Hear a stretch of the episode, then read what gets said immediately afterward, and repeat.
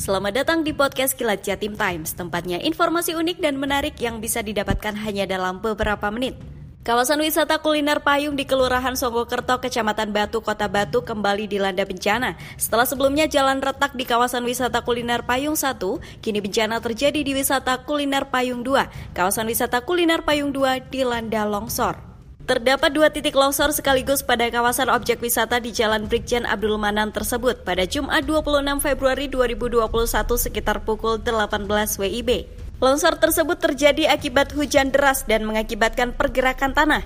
Titik pertama longsor berdimensi panjang 7 meter, tinggi 8 meter, dan lebar timbunan 2 meter. Kemudian pada titik kedua, lokasi yang tidak jauh dengan titik pertama, longsor terjadi lagi. Dengan berdimensi panjang 5 meter, tinggi 4 meter, dan lebar timbunan 2 meter. Hal itu mengakibatkan bahu jalan dan saluran irigasi tertutup material longsor berupa tanah dan bebatuan. Koordinator TRC BPBD Kota Batu Suhartono mengimbau kepada masyarakat pengguna jalan harap berhati-hati ketika melintasi di kawasan payung, mengingat cuaca yang kurang baik saat ini. Ia menambahkan pihaknya telah memasang rambu-rambu longsor agar pengguna jalan lebih berhati-hati dalam berkendara.